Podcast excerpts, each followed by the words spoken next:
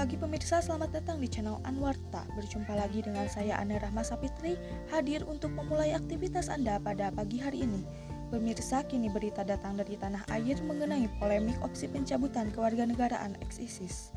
Adanya polemik mengenai pencabutan kewarganegaraan khususnya warga negara Indonesia ex-ISIS membuat Yasona Lawli tidak berdiam diri selaku Menteri Hukum dan HAM.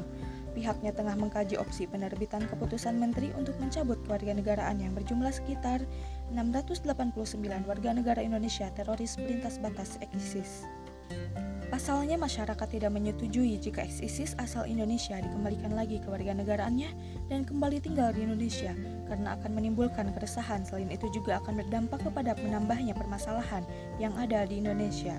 Oleh sebab itu, pemirsa dilakukan pengkajian opsi pencabutan kewarganegaraan dalam rapat kerja membahas rencana strategis Kementerian Hukum dan HAM dan hasil pemeriksaan BPK semester 1 tahun 2019 dan tindak lanjut rencana undang-undang. Selasa 18 Februari 2020, Anu Rahma Sapitri melaporkan.